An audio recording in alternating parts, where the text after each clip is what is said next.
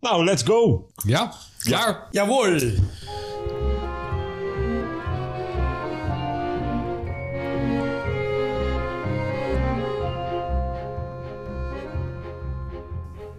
Privet. Welkom in de bibliotheek van Moeder Rusland. Naast mij zitten mijn kameraad uit de kooi en de tsaar van Charloes. Hier spreekt Apparatchik. Samen zijn wij de trojka die je meeneemt langs literaire helden van onze tijd en langs dode zielen. En ook al is onze kennis drassig als de taiga, onze verbeelding is als babushka's matroeskas, kleurrijk en gelaagd. Dus neem nog een glas. Dit is Kwas en Boeken.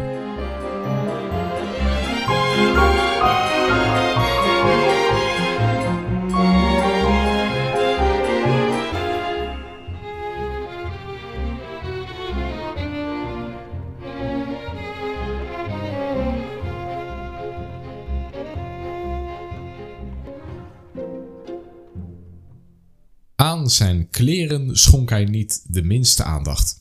Zijn uniform zag al niet meer groen, maar was rossig van kleur en als met meel bestoven. De kraag was laag en nauw, zodat zijn hals, die in werkelijkheid niet lang was, er buitengewoon lang uit tevoorschijn kwam. Zoals bij die gipsen katjes met knikkende koppen, welke de buitenlandse marskramers hier bij tientallen op het hoofd ronddragen. En altijd zat er het een of ander op zijn jas, een strootje of een draadje, Daarbij bezat hij de bijzondere gave op straat steeds onder de ramen der huizen door te lopen wanneer er iets van afval naar buiten werd gegooid. Waardoor hij dan ook altijd een stuk meloen of citroenschil of iets dergelijks onsmakelijks op zijn hoed meedroeg. Welkom bij aflevering 3 van seizoen 2 van Kwast en Boeken. En in deze aflevering bespreken we van Gogol het boekje De Mantel of De Jas. Yes. Ja. De jas, de mantel, Gogol. Eindelijk is het zover. Ja. Een van de mooiste schrijvers van de Russische literatuur. Jij bent fan, merk ik. Ik ben groot fan. En is dat omdat het na dat hele dikke pil van, van Oblomov eh we eindelijk iets kleins hebben? Of? Nou, we waren wel toe aan iets eh, kleiners en rustigers inderdaad. Dus dat helpt. Maar vooral ook omdat het gewoon super grappig allemaal is. En super leuk. Ja, ben ik het denk ik wel mee eens. Maar daar, daar komen we zo nog wel verder op. Ik heb ook nog wel een mening, maar die hou ik Oh. even voor me. Oeh, Dat zijn jullie helemaal niet van mij gewend. Nee, Frank met de we zetten de mening. wereld op zijn kop vandaag. Ja. Misschien voordat we het boek ingaan eerst wat eten? Wat drinken? Ja, Ik, zeker. ik kwam hier net binnen, het stond weer helemaal blauw. Ja. Ashley stond zich uit te sloven Mhm. in de keuken. Ik heb flink mijn best gedaan op een echte Oekraïense lekkernij. Oh. En dan zeggen jullie Oekraïens. Oekraïens, het is toch een Russische podcast. Maar Nikolai Gogol, zoals jullie ongetwijfeld weten, is een bron van grote strijd tussen Rusland en Oekraïne. Want is hij Oekraïens of is hij Russisch? Ja. Is het Gogol Of Hogel. of Hogol? Ja. Zoals de Russen zeggen. Oh nee, Oekraïners. Oekraïners. Lekker Nou. bezig. Daar komen we vast nog wel achter zometeen. dus ik heb een hele lekkere Oekraïense lekkernij. Maar Ja. die moeten jullie eerst verdienen. Oh, nou. oh, oh. Dan gaan we eerst even, want ik ben weer bij de eh, Russische winkels geweest aan de Hoogstraat in Rotterdam. Bij Nika om precies te zijn. En ik heb weer wat dingen voor jullie meegebracht. De krabsalade, die hadden we al eens gehad. Ja. Maar die was toen heel lekker. Ik dacht, ik doe hem gewoon nog eens. Die was echt heel lekker. Ik heb speciaal voor Jos bietensalade. Die mag je zo, als je dat eh, behaagt, van, dan mag je gaan proeven. Kijken of je kunt raden wat er allemaal in zit. Lekker. Ik heb ehm bromberenkompot. Kant Maar- klaar. Ja. Ben je niet allergisch voor? Ik ben eh, allergisch voor verschillende soorten rood fruit. Dus ik ga Oeh. kijken of ik dit. eh, of, ik, of ik deze aflevering overleef. Ja. Ik heb lekkere wijn. Of tenminste, ik heb weer wijn. Ik weet niet of die lekker is, maar dat gaan we merken. Ja, we hebben nog Pierre Le Grand. En we hebben geen kwast. Geen kwast, nee, en de soundwire is uit. ja. Ach, ach, ach, ach. ja. Nou ja, hey, eh, Jos, wil jij misschien een beetje proeven van de bietensalade? laten we dat eens doen. Labels erbij? Ja, zeker. De lepels die we van Olga hebben gekregen. Die prachtig zijn, maar zeer onpraktisch. Zo. Komt een stevige geur vanaf. Nou ja, het ruikt naar biet. Ja. En er zit biet in. Maar er zitten ook andere dingen in. Ja. Geen vis, hè? Nee, er zit geen vis in. Oké. En ook geen dillen. Geen, nee, geen dillen, nee. Geen augurken. Er zit wel degelijk augurk in. Er zit augurk in. Zeker. Zure augurk, zei die mevrouw.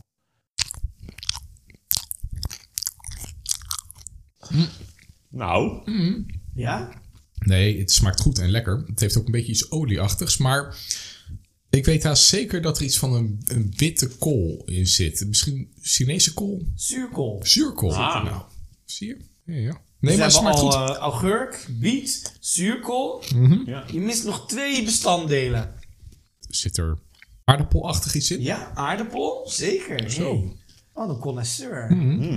Daar sta ik onbekend. Bietensalade-kenner. Ja. Weet je wat ik ga doen? Ik neem een beetje krabsalade. Een lekkere Oh, poeh, daar komt de krapgeur vandaan. Zo. Voor de luisteraar, eh, Ashley en ik doen het hier gewoon met een, met een lepeltje wat een beetje tussen een gewone eetlepel en een theelepel in zit. Frank die gaat meer met een opscheplepel de krapsalade. Ja, maar dat was de enige lepel die nog beschikbaar was. Oh ja, die krabsalade was ook echt lekker. ja, Gogol. ja. Een van de grootste schrijvers die de Russische literatuur heeft voortgebracht. Oh, oh. Ja. Oekraïense.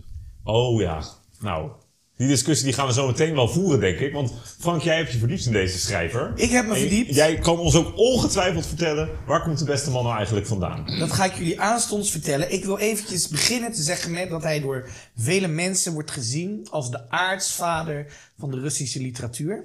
Of dat terecht is, nou, dat gaan we wel merken.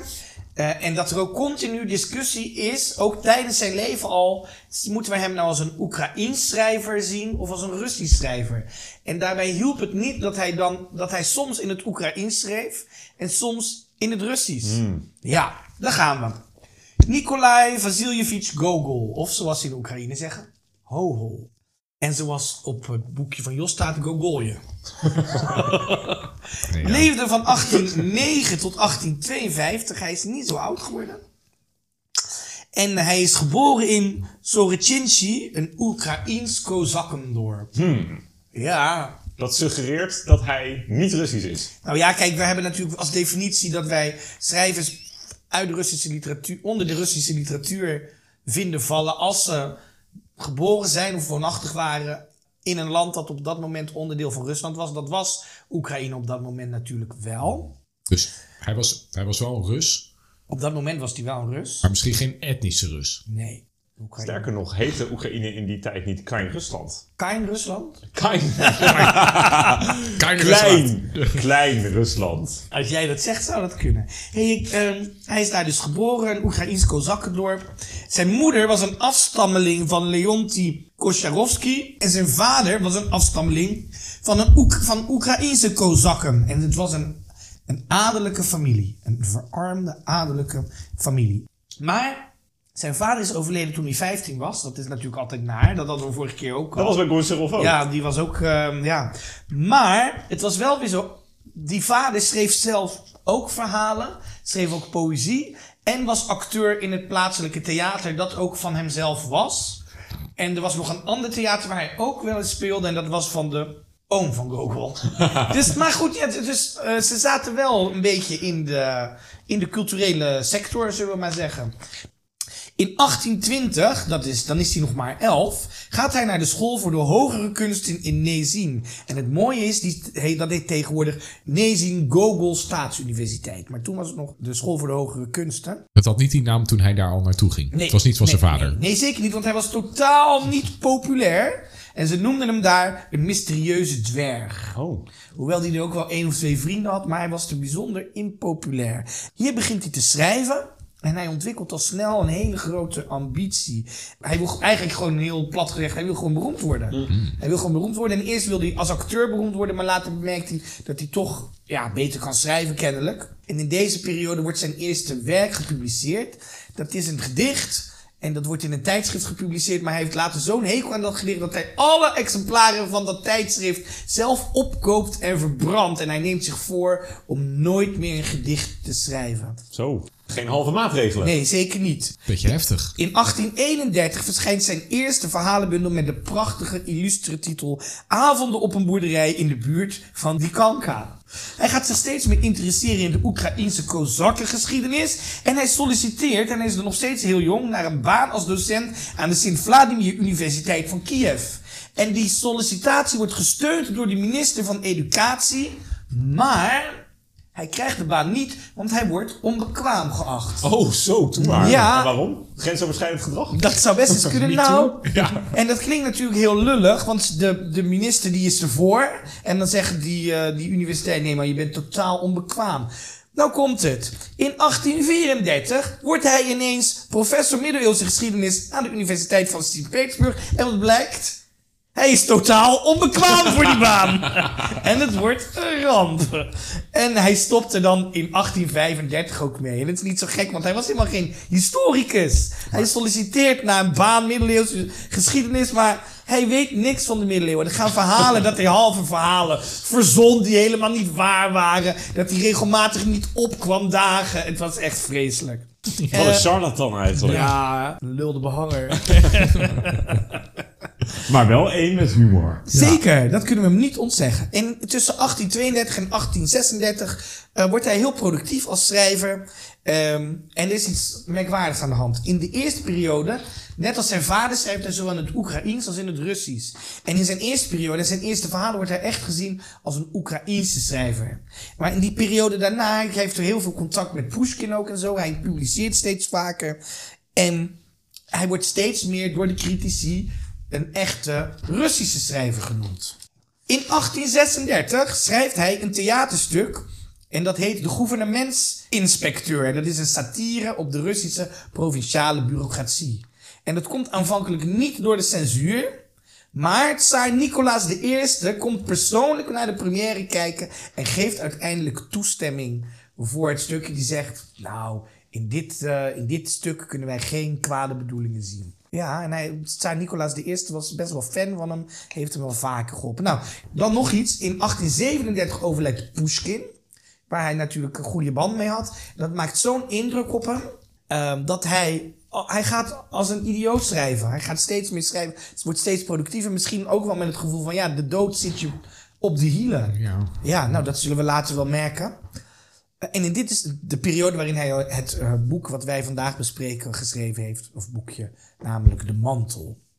In 1841 verdij- verschijnt deel 1 van zijn eh, magnum opus, het boek Dode Zielen. Ja. En dat vestigt zijn reputatie als een van de grootste Russische proza-schrijvers. Op dat moment kan eigenlijk niemand er meer omheen.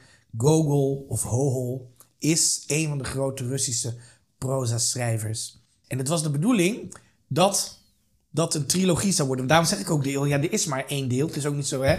Maar er zouden, van dit boek zouden nog twee delen moeten verschijnen. Maar daar kom ik straks op. In 1848 maakt hij een pelgrimstocht naar Jeruzalem. Ja. En eh, hij komt terug. En bij terugkomst in, eh, in Rusland raakt hij onder de invloed van een, van een soort spiritueel leider. Een soort charlatan, een Jomanda, een, een Rasputin in het kwadraat. Konstantinovsky. En die maakt Gogol wijs dat zijn werk duivels is. Oh jee. Eh, hij is daar zo van onder de indruk dat hij begint manuscripten te verbranden. Hij is bang voor, voor, voor gestraft te worden in het hiernamaals. En hij verbrandt onder andere een heel groot deel van zijn manuscript van deel 2 van Dode Zielen. Later kijkt hij daar, nou niet veel later, want veel ouder is hij niet geworden. Maar maakt, komt hij tot de conclusie dat dat een eh, vergissing was. En het eindigt heel raar. Op een dag heeft hij de tabak van, hij gaat naar bed, hij gaat in hongerstaking en negen dagen later is hij dood. Daar is iets fascinerends aan. Want er is heel lang het gerucht de ronde gedaan dat hij levend begraven zou zijn. Waarom? In 1931 wordt hij door de communisten opgegraven. Ik heb gelezen waarom, maar ik weet niet meer precies waarom. Maar hij is daar aangetroffen met zijn gezicht naar beneden. Alsof hij het graf ingesmeten is. Is. En levend begraven is, ja. Gogol. Het zit wel in de tijd waarin mensen sowieso bang waren om levend begraven te worden. Ja. En ze dus ook allerlei trucjes hadden bedacht. Als dat gebeurde, dat je dan toch nog kon laten weten dat je begraven was. Begrafeniskisten met een, met een buisje erbuiten, zodat je Oh, ja, kon ja. praten. Of dat er iets zat waardoor je een vlaggetje kon laten. Echt Ja, ja Maar misschien, maar misschien dat het hem eh, niet zoveel uitmaakt eh, hoe hij in zijn graf lag. Want ik heb een stukje van zijn testament gevonden. En daarin leren we Gogol een beetje als persoon eh, kennen. En daarin schrijft hij onder andere... Mijn lichaam dient te worden begraven... zonder acht te slaan op de plaats waar het moet liggen... en zonder enige waarde toe te kennen aan het stoffelijk overschot. Dat is niet helemaal gelukt. Nee, maar ja, het, het, het suggereert in ieder geval dat het hem ook niet uitmaakt of hij nou ondersteboven of binnenstebuiten in die eh, kist is komen te Nee, liggen. precies. Maar kunnen wij uit. hierin misschien een, een link zien met een hoofdpersonage uit onze vertelling, Hmm. De Mantel? Wat natuurlijk ook een niet achtenswaardig, eh, hoe zeg je dat? persoon is. Persoon is. Iemand op wie ook geen acht geslagen werd. Maar op Google werd denk ik toch wel afgeslagen als Zeker. zelfs de tsaar zegt... nou, Ja. dit stuk mag je wel uitvoeren. Ja, zeker. Overigens, jij noemde dat de gouvernement-inspecteur... maar volgens mij is hij in het Nederlands vooral bekend als de revisor. Ja. Oh, dat zou kunnen. Dat zou kunnen. Er wordt, dit wordt nog vaak opgevoerd, die toneelstukken. Dus moeten we misschien maar een keer... Ik wou net zeggen, misschien moeten we Nou. een keertje gaan kijken. Ja. Prima plan. Misschien hadden we dat hiervoor moeten doen, Ja, niet daarna. precies. Wat hij overigens ook in zijn eh, testament schrijft, is... Heb jij daar zijn hele testament? Ik heb zijn hele dat testament... is dikker dan de Daar gaan we nu even voor zitten. Nee, ik heb wel een heel interessant boek. Ik heb namelijk Goddelijke Liturgie. Eh, en dat zijn allerlei ja, teksten die eh, Gogol heeft geschreven... waarvan hij dacht dat die hem ingefluisterd werden door engelen of door God. Want naarmate hij het einde van zijn leven nadert... of eigenlijk beter gezegd, hij wordt ouder... en blijkt dat daarmee Ja. het einde van zijn leven te Ja. naderen... want hij sterft vrij jong. Ja, zeker. Ehm, maar hij wordt eigenlijk helemaal koekwaus. Ja. Hij wordt echt eh, een godsdienstwaanzinnige. Ja. En hij gaat dus allerlei teksten opschrijven waarvan hij denkt dat de Heilige eh, Geest eh, of God die hem hebben ingesproken. Nou, en die zijn gebundeld uitgebracht. Ja, en in die godsdienstwaanzin raakt hij dus ook helemaal de, het padje kwijt. Maar daar staat dus ook zijn testament in geschreven. En daarin merk je dan eigenlijk wel weer dat hij toch wel een heel nuchtere persoon is ge- geweest. Hij zegt namelijk: Iemand die dweept met een rottende vinger, die niet langer de mijne is, dient zich te schamen. Hij buigt zijn knieën voor de knagende wormen. Ik verzoek liever om een innig gebed voor mijn ziel. Mijd allerlei vertoon tijdens mijn begrafenis, maar vergast eerder enkele lieden die geen dagelijks brood hebben op een eenvoudige maaltijd. Dus Gogol is ook wel begaan met de gewone, de gewone mens en Zeker. ja, lijkt zich niet al te veel pretenties te willen maken. Aan de andere kant, als jij denkt dat God direct tot jou spreekt, ben je Ja. denk ik vrij pretentieus. Ik wou net zeggen, ja. Zeker. Hij, hij verbrandt manuscripten aan, een beetje aan het eind van zijn leven. Kontsjarov deed dat toch ook? Ja, die was helemaal paranoia. En het is voor een deel een, een persoon die gewoon ehm, een mislukking is, toch? Want hij, hij, hij wordt niet bekwaam geacht voor bepaalde banen. Daarbij zie ik ook wel overeenkomsten tussen, Ja. volgens mij, Goncharov, maar ook Robshin. Die ook redelijk Ja, die eh, was ook niet mislukking was. Maar ik zou Rob zien ook niet op dezelfde hoogte als Gogol of Goncharov Nee, willen zetten. zeker niet. Zeker. Maar gewoon, het, het, eh, er komen bij die Russische schrijvers toch regelmatig bepaalde dingen Ja. wel terug. Dat is waar. Maar wat ook dan bij, bij Goncharov en bij Gogol terugkomt, is dat ze allebei in hun eigen tijd toch wel al hoog aangeslagen worden. Ja, Ja. dat is en waar. Gogol zeker, die wordt eh, dankzij Dode Zielen wordt die echt op een voetstuk geplaatst. Hè? En jij zei al, Frank, aartsvader van de Russische literatuur. Nou, eigenlijk, je, het begint bij Alexander Pushkin allemaal, maar die is nog vooral in de poëzie bezig. Heft daar wel de Russische literatuur op uit het moeras van de mythes en de fabels en Ja. maakt daar wel echt een kunstvorm van. En dan krijg je Gogol en die doet dat met de proza. En grote schrijvers zoals Dostoevsky, maar bijvoorbeeld ook een eeuw later Nabokov, Ja. die zijn heel erg eh, te spreken over Gogol en zien dat echt als eh, hun voorbeeld. Maar de tragiek van Gogol is tegelijkertijd dat hij na Dode Zielen het spoor helemaal bijster raakt. Dat hij zo in zichzelf gaat geloven dat hij denkt, ik moet mijn hele correspondentie met iedereen ook gaan publiceren. Want daar zit nog veel meer waarde in dan in mijn literatuur. En dat blijkt eigenlijk op helemaal geen enkel applaus te kunnen rekenen. Dat vinden mensen saai, langdradig, Ja. niet interessant. En dan gaat zijn imago eigenlijk eh, ten gronde. En hij zelf zei- snel daarna. Je haalde Dostoevsky al even aan. Ik kwam nog een, citaat van Dostoevsky tegen die gezegd zou hebben, of geschreven. Wij komen allen uit Gogols mantel voort. Oeh. Ja, dat heb ik Ja, gelezen. en ja. daarbij bedoelde hij alle Russische schrijvers daarna. Specifiek over dit verhaal heeft een grote Nederlandse schrijver, Maarten Biesheuvel, gezegd het beste verhaal uit de wereldliteratuur. Over de mantel. Over de mantel. Zo. Beste verhaal wereldliteratuur. Ja. Nou, eens kijken of wij het daar dan mee eens zijn.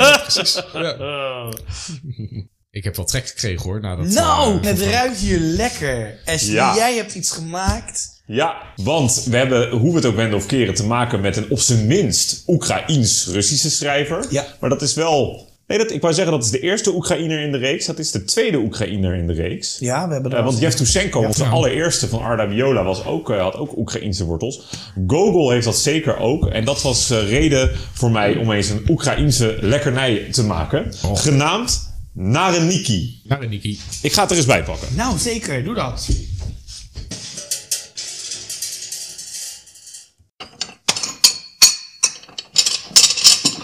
Zo, daar komt het. Gebaksbordjes. Je hebt geen hulp nodig, hè? Nee.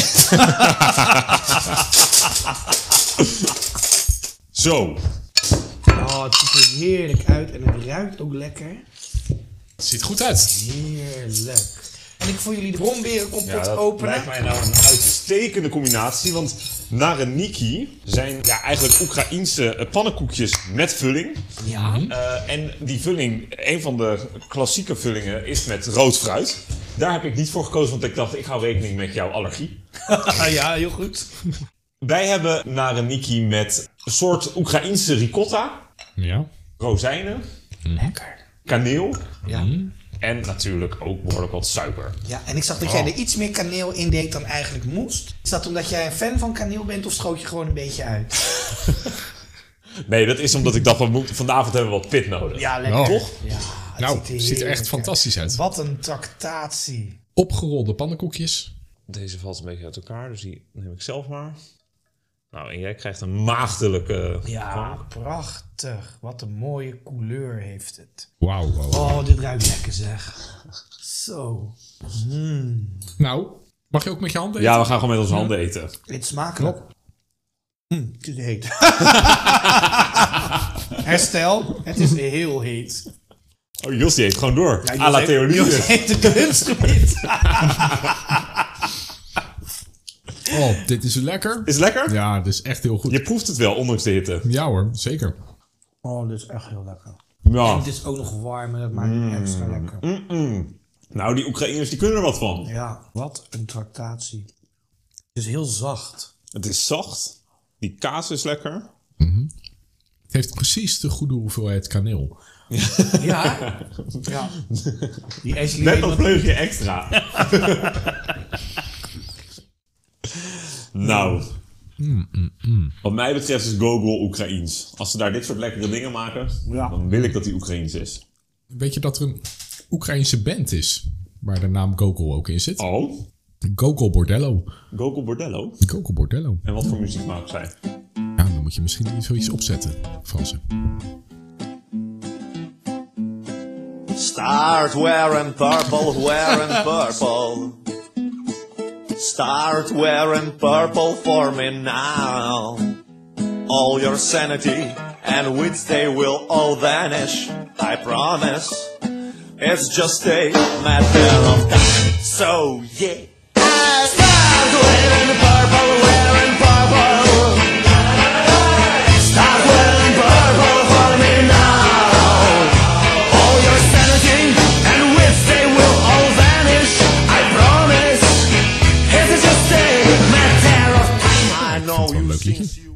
Lekker opzwepend. Oké. Gogol Bordello. Gogo Bordello. Gogo nou, Bordello ja, heet het. het nou een eerbetoon aan Gogo is. Nou ja, zo bedoelen ze het wel. Maar de tweede deel van de naam Bordello, enig idee wat dat kan betekenen? Ja. Bordeel. Ja, inderdaad, bordeel. Ja. Klopt, ja. Italiaans voor bordeel. Maar ze hebben zich naar Gogol vernoemd, heb ik begrepen. Eh, omdat Gogol, volgens Altijd de, mensen van deze band, de Oekraïnse cultuur Rusland binnen wist te brengen. Misschien als ze dat met de muziek of zo proberen te doen. Terugkerend thema. Want Dus het is een Russische band. Nee, het is een Oekraïnse band. ik kan niet zo goed het Sorry. Oekraïense band. Gogol Bordello. Ja. Ja, Bij de betere plaats staan. Gogo Bordeel. oké. Ja. Samenvatting van het verhaal? Ja, graag. Ja, Nou, Jos, waar gaat het boek Ik nou zou maar? zeggen, ga all the way. Maar begin eens met de titel. Want wat is nou de titel van het boek? Ja, ik, ik was van mening dat de mantel gewoon wel de mooiste titel was, eigenlijk. Overigens, ik heb een mantel bij me. Oeh, oh. Daar ik Zal ik heel hem erbij benieuwd pakken als ik de Heel graag. samenvatting ga doen? Komt hij nu mee? Ik bedoel, het, is Nou. het, het is hetgeen wat ik in huis heb wat het meest op een mantel lijkt. Wow, Zo dan. jeetje. Wat een ding. Nou. En nu de catwalk op. Jos.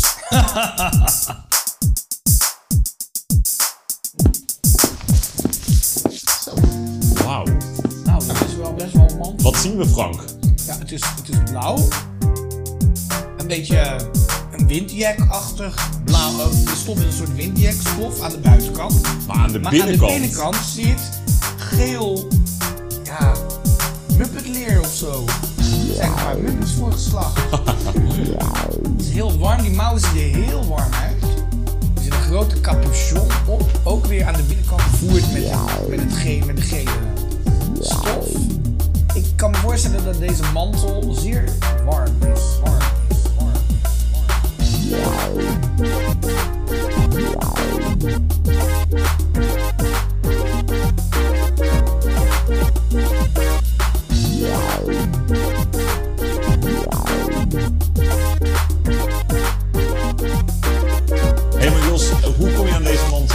Vaak?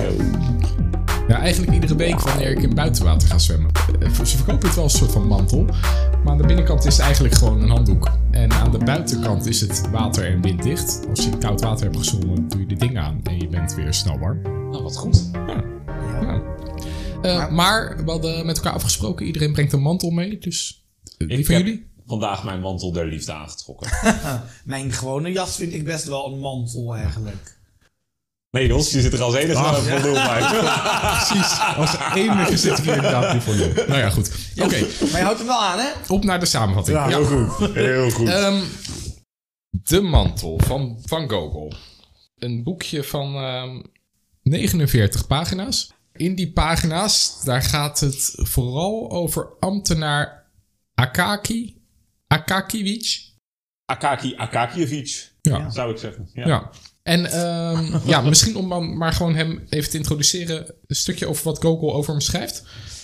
Men zou van deze ambtenaar niet kunnen zeggen dat hij bijzonder opvallend was. Hij was klein van stuk, iets wat pokdalig, iets wat rossig van haar en iets wat kippig. Had een kleine kale plek voor op zijn hoofd, rimpelige wangen en een gelaatskleur die op aanbijen wijst. Ja. Nou, dat is Akaki. En als werk heeft Akaki een hele interessante baan. Hij kopieert namelijk documenten. En dat doet hij de hele werkdag. En als hij dan naar huis gaat, dan in zijn vrije tijd gaat hij verder met het kopiëren van documenten. Sterker nog, in het boekje staat dat hij zelfs zijn favoriete letters heeft. Dus hij eh, houdt zo van zijn werk dat er bepaalde letters zijn. Waarbij volgens mij in het boek wordt gezegd dat je ziet dat hij daarbij gaat glimlachen. En die Ja. letters ook gaat uitspreken met zijn mond. Eén keertje heeft een baas van hem eens even gedacht... nou, hij kan wel goed documenten kopiëren. Misschien dat hij toe is aan iets net uitdagenders... maar dat bevalt Akaki niet. Dus hij gaat weer snel terug naar het kopiëren van documenten. Belangrijk werk, maar toch wordt hij op zijn werk geplaagd door zijn collega's. En er is bijzonder weinig respect voor hem. Op een gegeven moment komt hij erachter dat zijn mantel versleten is. Op zijn rug en volgens mij bij zijn schouders. Daar, daar ehm, ja, hangt die mantel echt nog aan draadjes aan elkaar. Dus die mantel moet gerepareerd worden. Hij naar zijn kleermaker toe. En die kleermaker die zegt, ja, daar kunnen we niks meer mee. Weigert die mantel te repareren. Er moet een nieuwe mantel kopen. Maar dat is niet zomaar gedaan. Want dat kost nogal wat, een nieuwe mantel. Dus Akaki moet sparen. Hij eh, ontzegt dan voor enige tijd het een en ander aan, aan een soort van luxe voor hem. Wat minder thee drinken. Hij kan niet meer in zijn vrije avonden op zijn kamer eh, documenten kopiëren. Dat doet hij dan bij de kaars van zijn hospita. Ehm, en uiteindelijk heeft hij dan genoeg geld, 80 roebel geloof ik, om een nieuwe mantel te kunnen bestellen bij zijn kleermaker. En als hij die nieuwe mantel heeft, dan is dat wel echt een mooi ding, blijkbaar. Iedereen is jaloers. Iedereen Ja. is jaloers. De kleermaker loopt nog naar buiten, loopt nog een hoekje om, zodat hij nog een keertje Akaki voorbij ziet lopen in die mooie nieuwe mantel. En op zijn werk, iedereen is jaloers. En hij, hij valt ineens op, want daarvoor valt hij helemaal niet op. En hij valt ineens op op zijn werk. Sterker nog, hij wordt uitgenodigd voor een feestje. En hij gaat naar dat feestje, waar hij niet helemaal weet hoe, zich de- hoe hij zich er moet gedragen. En na dat feestje gaat hij naar huis toe. En op weg naar huis wordt hij beroofd op een heel groot plein. En als hij dan vervolgens in de dagen daarna probeert om de politie op de zaak te zetten en, en andere nou, hoger opzoekt om ervoor te zorgen dat mensen erachteraan gaan om die dieven te pakken te krijgen, dan komt hij bij eigenlijk een soort van de tweede belangrijke personage in het boek, denk ik. Namelijk de belangrijke figuur. Nou ja, en hij, is generaal. Een hoge, dat is een hoge, nou misschien wel de hoogste ambtelijke Ja. rang. Precies, inderdaad. Die belangrijke figuur die vindt zichzelf heel belangrijk. En die vindt Akaki duidelijk minder belangrijk. Hij laat Akaki een tijd op de gang wachten. Op een gegeven moment mag hij dan binnenkomen. En dan wordt hij eigenlijk afgeblaft door de belangrijke figuur. Akaki gaat weer weg. Eigenlijk omdat hij zijn nieuwe mantel kwijt is. En het alleen nog met zijn oude versleten mantel moet doen. Wordt hij ziek. En dan gaat hij dood. Ja. Maar En- daar eindigt het verhaal niet. Nee. Nee, daar eindigt het verhaal zeker niet. En dan komt er ineens een soort van surrealistische wending. Waarbij de geest van Akaki een soort van wraak probeert te nemen. En her en der mantels van schouders af probeert te plukken van mensen. En dat ook bij de belangrijke figuur probeert te doen. De belangrijke figuur die overigens aan het eind van het boek ook enigszins schuld voelt. Als hij te horen krijgt dat Akaki is overleden. Nou, dat is ongeveer het einde van het verhaal. Het is me gelukt om een boekje van 45 bladzijden samen te vatten. Ja joh. Ik zie, ik zie Frank zijn hoofd al een beetje op Ja, Franks staan. hoofd eh, betrekt. Ja. Ja jongens, wat moeten we hier nou mee? Wat een kutboek. Wat een kutboek. Wat? Dit gaat toch nergens over? Dit gaat helemaal nergens over. Jij vindt iemand dit niet iemand zoals- die, koopt een, die spaart voor een nieuwe jas. Die jas wordt gestolen. Nou, dat kan. En dan ga je klagen bij een of andere ambtenaar. En die scheldt je uit. Nou, dat kan ook. En dan ga je maar naar huis in je oude mantel. Je wordt ziek en je bent dood. Serieus, dit gaat helemaal nergens over. Je vindt niet, net zoals Biesheuvel, dit het Nee, beste verhaal uit de not by far. Ik, kijk, wat het nog een beetje voor mij doet, is dat het hier en daar wel grappig... Het is wel echt een beetje grappig soms. Weet je, dat hij langs ramen loopt en dat dan altijd net iemand daar af... Weet, dan kan ik nog wel lachen, maar verder... Ja... Maar daarmee doe je het boek toch veel te kort. Ja. Zelfs, zelfs dat, nee, maar zelfs dat laatste stukje, ik kom haast niet uit mijn woorden. Wat je, wat je zegt, het is hier en daar wel grappig. Het is toch gewoon heel vaak heel grappig. Nou, hier en daar wel. Het is het hele verhaal door grappig. Ja, er is zitten de wel, hele tijd grappig. Er zitten, kijk, er zitten wel grappige dingen in, maar het is, zo, het is ook gewoon te over de top om, om nog grappig te zijn. In het begin is het wel lachen dat die man zo nietsig is. Weet je, dat is ook zijn karakter. Dat is ook wat de schrijver, wat, wat Hohol waarschijnlijk ermee duidelijk wil maken. Maar op een gegeven moment denk ik, ja, nou weet ik het wel. Het is toch, het is toch super grappig. Enkele dagen na zijn dood kwam een bode van het departement aan zijn huis met het bevel dat Akaki onmiddellijk op het bureau moest verschijnen. Zijn chef gelastte het hem. Maar de bode moest onverrichte zaken terugkeren met de boodschap dat Akaki niet meer op het bureau zou verschijnen. En op de vraag waarom niet, antwoordde de man daarom niet. Hij is dood, vier dagen geleden is hij begraven. Ja, ik vind het, ik vind het grappig. Ja. Ja, is over de top. Kijk, soms zitten er hele eh, satirische en, en bijna flauwige stukjes in. Die misschien over de top zijn, maar die ik vaak wel heel grappig vind. Maar er zitten ook hele subtiele grappige dingen in, vind ik. Wat, wat, wat Jos net leest, voorleest is best wel droog. Maar ik vind ook bijvoorbeeld... Gewoon het feit alleen al... Dat hij een nieuwe jas heeft. Ja. En dat hij dan populair wordt en naar dat, naar dat feestje gaat. En dat hij eigenlijk denkt, ja shit, hier zit ik helemaal niet op te wachten. Ik heb helemaal geen zin in die drukte. Dat hij niet weet hoe hij zich moet gedragen. Dan schrijft Gogol over, over Akaki dit alles. Het rumoer, de stemmen en de mensenmassa. Het was allemaal wat vreemd voor Akaki Akakievich. Hij wist eenvoudig niet hoe hij zich moest houden. Waar hij zijn handen, zijn voeten en heel zijn figuur moest laten. Uiteindelijk schoof hij aan bij een groepje spelers, wierp blikken in hun kaarten, keek deze en gene in het gezicht en begon na enige tijd te gapen en zich te vervelen. Te meer daar al lang de tijd was aangebroken waarop hij gewoonlijk ging slapen. Ja. Dat is toch grappig? Dat is toch leuk? Ja, het is wel, Ja. het is wel grappig, maar... Ja. Ja, ook niet meer dan dat. Oké, maar jij zegt, ja, wat maakt het nou uit? Hij heeft een nieuwe jas en dan Ja. is hij populair. Dat slaat nergens op. Nee. Maar het is toch... Kijk, wat denk ik belangrijk is in de eerste plaats om te constateren... is dat de Russische ambtenarij... Daar is die hele samenleving uit opgebouwd. In met name de 19e eeuw van de Ja. Russische samenleving. Dus omhoog klim- klimmen in de Russische ambtenarenstand... is het beste wat je kan bereiken. Het hoogste wat je kan bereiken.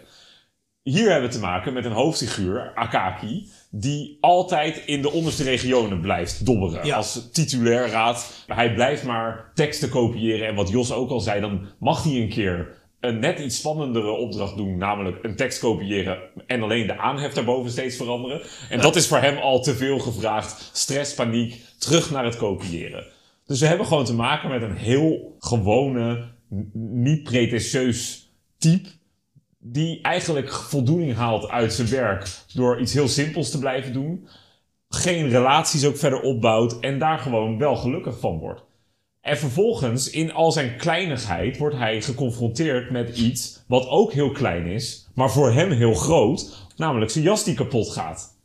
Zoiets wat voor jou en mij heel makkelijk is om te herstellen, is voor die hoofdpersoon dus heel complex, omdat zijn hele wereldje zo, zo klein is. Uiteindelijk lukt het hem dan om die jas te laten maken. Heeft hij alles bij elkaar gespaard. Lijkt hij ook daadwerkelijk omhoog te klimmen in die Russische standenmaatschappij. En dan binnen een dag slaat het noodlot toe. Wordt hij overvallen. Hij stort in het ongeluk. En daaraan overlijdt hij aan het ongeluk. En aan de ziektes die hij overhoudt aan de kou. Wat de kritiek zou kunnen zijn, vind ik, op het verhaal... is dat het nog vrij schematisch is opgebouwd. Echt wel als een sp- sprookje eigenlijk bijna. Dus het is een soort sprookje dat zich ontworstelt aan die status en een beetje literatuur gaat worden. Maar het is in thematiek en in, in schrijfwijze is het zo vernieuwend en zo grappig. En zitten er echt best wel veel lagen in eigenlijk. Dat ik dit echt een heel, heel geniaal verhaal vind. Voor een deel ook zelfs wel, nou misschien niet volledig tijdloos. Maar er zitten dingen die je vandaag de dag ook nog steeds eh, in een samenleving terug zou kunnen zien. Zeker. Er zit wel, dat zal jij in het onderwijs hebben, denk ik ook, Jos. Jij misschien ook, eh, Frank. Eh, dat, dat heb je bij ambtenarij, dat heb je in allerlei werkvelden. Zo'n werkdynamiek, waarbij je ook lulletjes lampenkatoen hebt. Die eigenlijk alleen maar te prijzen zijn in hun noeste arbeid. Maar toch tegelijkertijd door iedereen belachelijk worden gemaakt. En dan zal je ook altijd zien, worden zij ook nog eens door het noodlot getroffen. Aan de ene kant is, is die Akaki een treurig persoon. Maar aan de andere kant, hij doet belangrijk ambtelijk werk. Wat, wat misschien niet het meest belangrijk is of het meest verantwoordelijke. Maar zonder mensen als Akaki zou het hele, hele staatsapparaat van Rusland niet werken. Ja. Dus het is belangrijk werk en toch wordt hij inderdaad belachelijk gemaakt of niet serieus genomen. Volgens mij is dat nog steeds herkenbaar. Ja. Er zijn allerlei mensen in, in het ambtenarenapparaat, in het onderwijs, op, inderdaad op allerlei verschillende velden die ehm, misschien niet het hoogst opgeleide werk doen of wat dan ook, maar die superbelangrijk werk doen. En daar misschien niet altijd de erkenning voor krijgen die ze daar eigenlijk voor horen te krijgen. Nee. Nee, en eigenlijk kan je eh, ook niet heel veel aanmerken op zijn karakter. Eh, hij is misschien saai, een beetje suf, zullig. Ja. Maar hij is natuurlijk tegelijkertijd uiterst betrouwbaar. Hij doet gewoon zijn ding, valt niemand lastig. eh, doet niet mee aan de roddelcultuur of wat dan ook. Sterker, in zijn vrije tijd gaat hij door met werken. Gaat hij door met kopiëren. Die man blijft maar schrijven. Als er niks is om te kopiëren, gaat hij gewoon maar dingen doen die helemaal niet gekopieerd Ja. hoeven te worden. Ja, maar Nou, krijg je al iets meer waardering, Frank? Nou, nee. Wat zonde zeg. Ja, het is best wel een aardig verhaal op zich, maar nou te zeggen dat dit de aartsvader van de Russische literatuur is. En dat dit volgens Biesheuvel het allerbeste verhaal is dat ooit geschreven is. Ja, is Maar er, zit, maar er zijn wel twee redenen om, om dat wel eh, te denken, denk ik. Het eerste is dat dit eigenlijk voor het eerst een verhaal is dat echt zeg maar, dat realisme in de Russische literatuur brengt. Dus het gaat weg van koningen en prinsen en noem maar op, hè, allemaal van die sprookjesfiguren. Het zet voor het eerst de gewone mens Ja, centraal. Ja. Eh, en dat, daar bouwen schrijvers als Dostoevsky en Tolstoy, die bouwen daar allemaal eh, op voort. Eh, dus dat is denk ik wel waarom je hem als een aartsvader kan beschouwen. En dat doet hij eigenlijk dan tegelijkertijd op een heel humoristische manier. Wat we bij Dostoevsky en Goncharov en dan noem maar op allemaal ook heel erg terugzien. Bij Tolstoy niet, mensen. Begin nooit aan Tolstoy. dat doet hij op een heel humoristische manier. Maar tegelijkertijd eigenlijk ook op een heel empathische manier Ja. Waar die tegelijkertijd de hoofdpersoon een beetje belachelijk maakt, zit daar ook altijd een heel lieflijke keerzijde aan. ja, dat zit er enorm in. Hij wordt niet volledig serieus genomen of zo, maar ook niet volledig belachelijk Nee. gemaakt. Dus het zit er echt een beetje tussenin. De belangrijke figuur wordt misschien nog wel meer belachelijk ja, gemaakt. hij hekelt Ja, wel ja. de mensen die hem belachelijk maken. Ja. ja, dat, Ja, en ook die collega's vind ik, en daar proef je ook meer uit dat, die, Ja. dat de schrijver daar meer afkeer van heeft dan van de hoofdpersoon. Ja. En dat zeg maar dus, die manier van schrijven Nou, dat zie, dat, dat zie je daarna veel terug. Dus ik, ik ga wel mee in de definitie aartsvader. Oké. Een kritische noot. Waar ik nou niet heel veel mee kon op zich, waren eigenlijk die laatste paar bladzijden. Waarin het ineens een surrealistische wending Ja. neemt met Ja, een geest. Helemaal eens. Oké. Nou, maar waarom zou Google dat erin hebben gezet? Ja, poeh, dat, daar heb ik eigenlijk niet echt over nagedacht. Misschien dat het past wel, waar je het al, net al zelf ook een beetje over had, eh, meer in een bepaalde sprookjescultuur. Misschien om het verhaal voor een deel nog eh, een soort van af te ronden. Er is er toch een soort van goed einde aan. Hij is wel dood, maar hij krijgt toch nog op een bepaalde manier genoegdoening. Ja, dat was wel ook mijn gedachte erbij. Want dat, die laatste pagina's waarin dus, waar de geest van Akaki terugkeert... Dat is volgens mij heel sterk om een moraal in het verhaal te brengen. Dus de, hè, vooral mensen die belachelijk maken en eh, nou, een beetje naar elkaar omkijken, noem maar op. Ja. Ja, en dat is, dat, dat, ik vind dat ook wat minder. Want dat, dat wordt er wel heel dik bovenop gelegd dan, hè, hoe je zou moeten handelen. Ja, het is ook wel weer grappig, maar het zou wat mij betreft sterker zijn geweest zonder. Ja, en, het is inderdaad, het blijft wel grappig. Dus die humor houdt het hele boek wel vol. Maar daarmee wordt het wel ineens een stuk minder realistisch. Wat daarvoor er wel Ja. eh, in zit. Daar doet ook een beetje afbreuk aan. Ja. Maar Google heeft ook altijd alweer gespeeld met, met tamelijk eh, fantasierijke elementen. Bijvoorbeeld in het verhaal De Neus. Waarin de neus van het hoofdpersonage besluit daarin afscheid te nemen van het lichaam. Breekt af en gaat een eigen leven leiden. Wat zouden jullie ervan zeggen als wij eens eh, tijd gaan maken voor een lekker Russisch biertje? Heel goed, daar ben ik aan toe. Ja? daar- Ja, Dan ook ga ik het eens pakken. kan ik mijn verdriet wegdrinken over jouw oordeel, Frank? Mag ik nog een eh, flesje? Zeker. Kijk eens wat ik voor jullie heb. Zo. Ja, kanon. het is weer een lekker blik van eh 900 milliliter. Zo. Ja. Sateki Goose. En er staat op... Gemaakt in Tsjechië.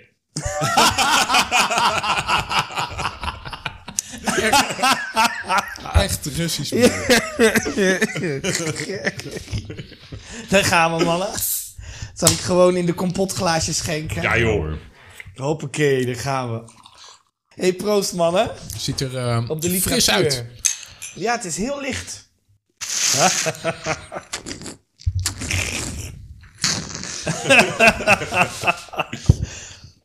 Nou, lekker hoor. Het smaakt naar bier.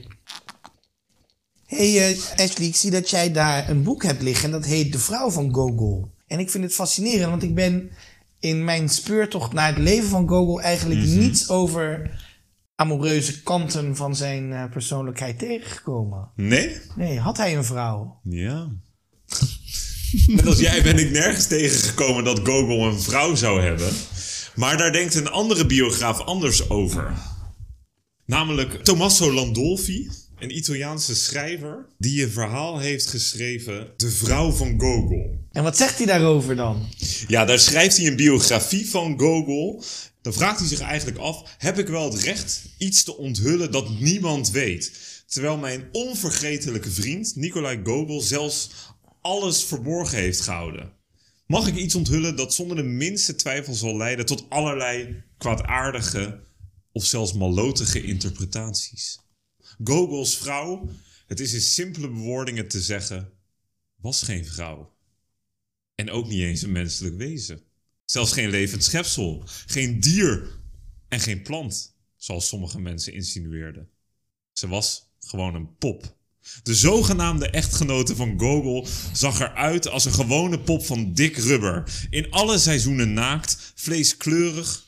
Het of zij was inderdaad van het vrouwelijk geslacht. Maar eigenlijk hoef ik dat niet te vertellen. Gogol had als vrouw een opblaaspop. Maar is dit serieus? Ja, aan jullie om dat te beoordelen. Frank, waar is het tijd voor?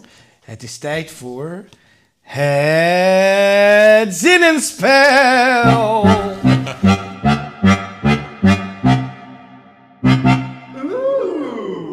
Ik heb één mooie zin en dat gaat over het karakter van de hoofdpersoon. En dat is bij mij bijna drie bladzijden. Maar dan moet ik erbij zeggen, het zijn maar hele korte bladzijden. Dus zo lang is het dan ook weer niet. Lees ze maar voor. Ja. Zelfs op het uur dat de grauwe Petersburgse hemel geheel verduistert, wanneer het ganse ambtenarendom de maaltijd heeft gebruikt en ieder zich op zijn eigen wijze naar gelang van zijn tractement en persoonlijke begeerte heeft verzadigd, Wanneer een ieder uitgerust is van het ambtelijk gekras van pennen en het heen en weer geloop, van zijn eigen en andermans onvermijdelijke bezigheden en van al datgene wat de rusteloze mens zichzelf oplegt, uit eigen wil nog meer dan omdat het moet, Wanneer de ambtenaren zich haasten om van hun vrije tijd te gaan genieten, wie het vlugst is naar de schouwburg, een ander de straat op om mij de elegante hoedjes in ogenschouw te nemen, een derde naar een gezellig avondje dat hij doorbrengt met het maken van complimentjes tegen het een of ander lief jong meisje, de ster van een kleine ambtenaarskring, Weer een ander, en dat is wel het meest gebruikelijke, eenvoudig naar een collega die ergens op een derde of vierde etage twee kleine kamers plus vestibule of keuken bewoont, waar hij enkele nieuwerwetse snufjes heeft, een lamp of ander dingesheidje, waarvoor hij zich vele opofferingen heeft getroost, zich veel heeft ontzegd aan eten en pretjes. Kortom, zelfs op het uur dat alle ambtenaren zich verspreiden over de kleine woningjes van hun vrienden om er wist te spelen, uit glazen thee te slurpen met goedkope biscuitjes erbij, aan lange pijpen te trekken en onder het geven der kaarten het een of ander schandaaltje uit de hogere kringen te vertellen, Iets wat de rust nooit en onder geen omstandigheden kan laten. Of zelfs wanneer er geen schaal, schandaaltje voorhanden is. De eeuwige anekdote op te dissen over de commandant wie men kwam vertellen dat de staart van het paard van Falconet was afgeknot. Kortom dus, wanneer een ieder zoekt zich te verstrooien, gaf Akaki Akakijewitsch zich aan geen enkele verstrooiing over.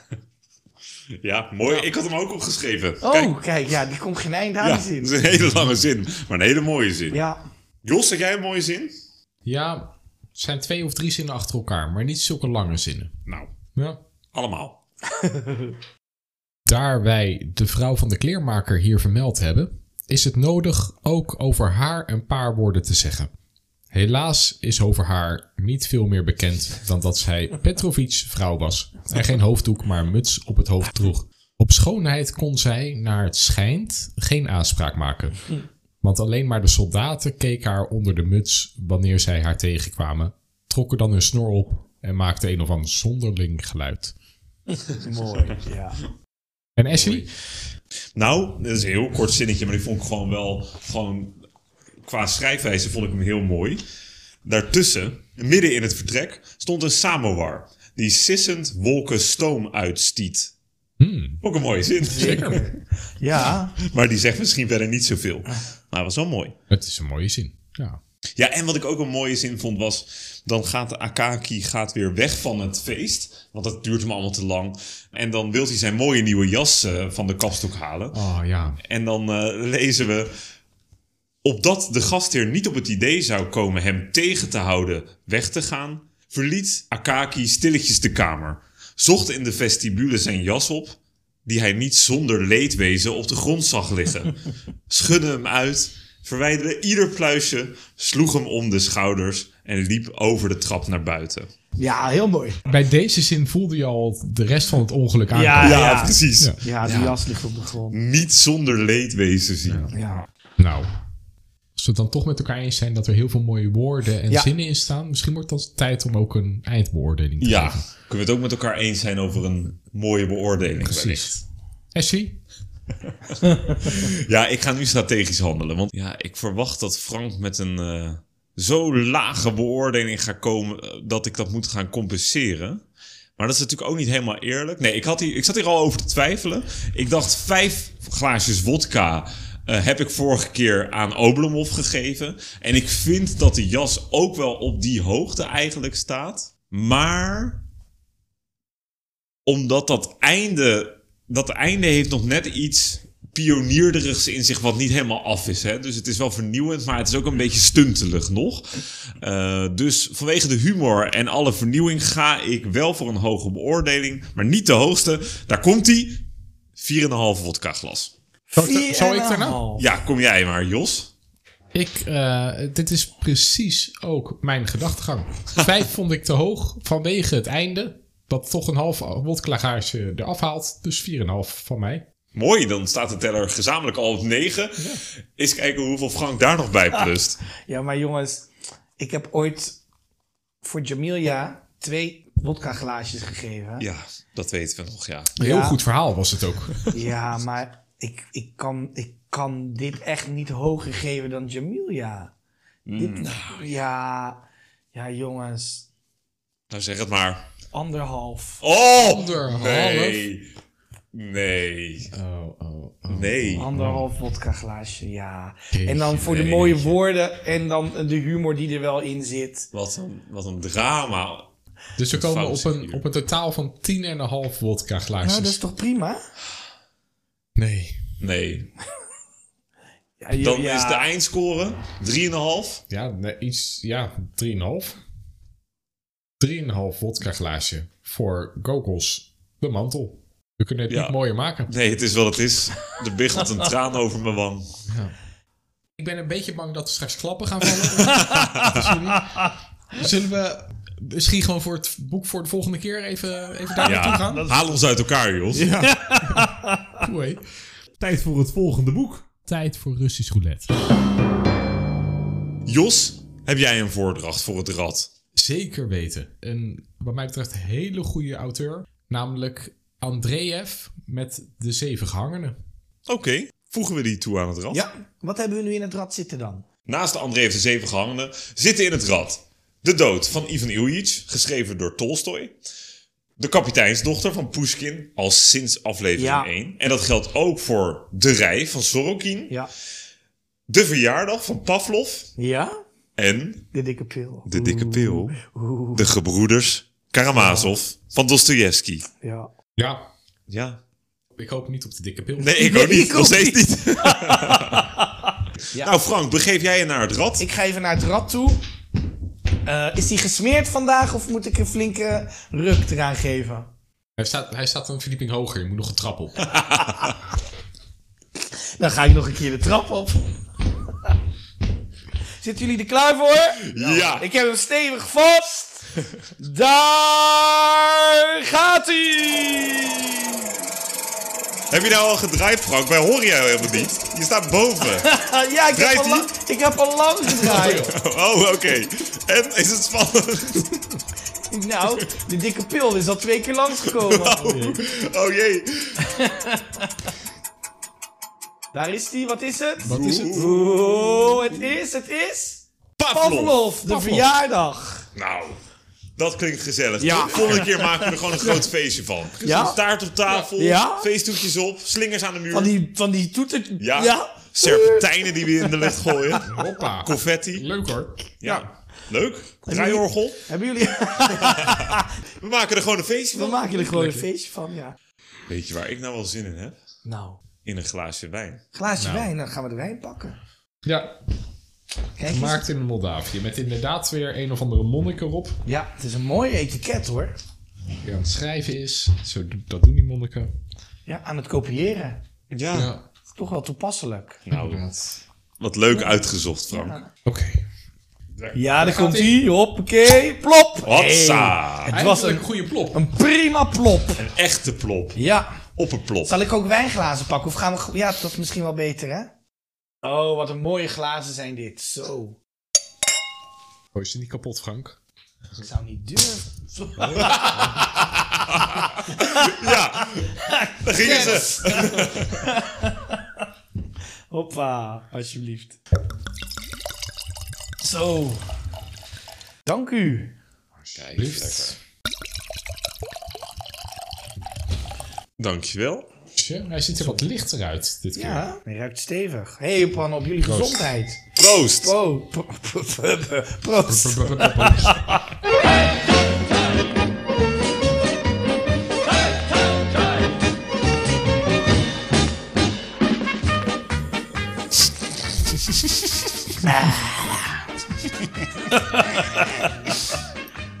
Nou, hij bevalt me wel. Kijk eens aan. Het boek. ハハハハ!